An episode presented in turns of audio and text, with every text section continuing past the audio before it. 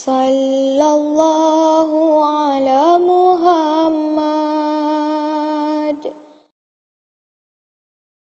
Ada suatu hadis begini.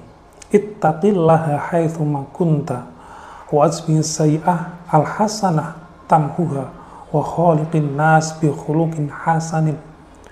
Rawahu ad-Tabrani an Abi Dzarin nah ittaqillah takwalah kepada Allah haitsu kunta di mana pun kamu berada dalam kondisi seperti apa pun wasbi sayi'atil hasanah wasbi sayi'ah al hasanah kemudian ikutilah perbuatan buruk dengan perbuatan baik.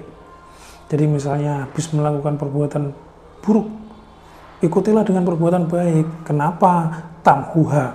Karena perbuatan yang baik tersebut akan menghapuskan, akan menutup, menghilangkan perbuatan yang jelek. Wakholikin nas hasanin kemudian bergaulah, berakhlaklah kepada manusia dengan akhlak yang bagus, dengan akhlak yang baik. Waholikin nas berakhlaklah kepada sesama manusia.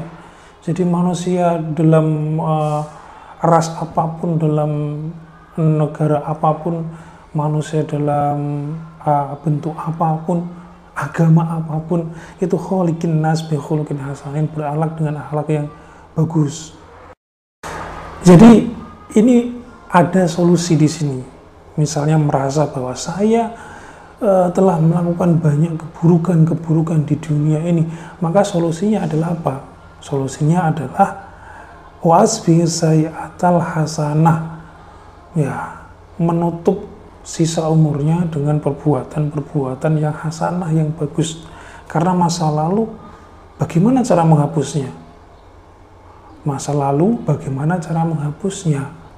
Kalau masa lalunya kelam, cara menghapusnya adalah dengan melakukan perbuatan yang baik. Itu adalah solusi.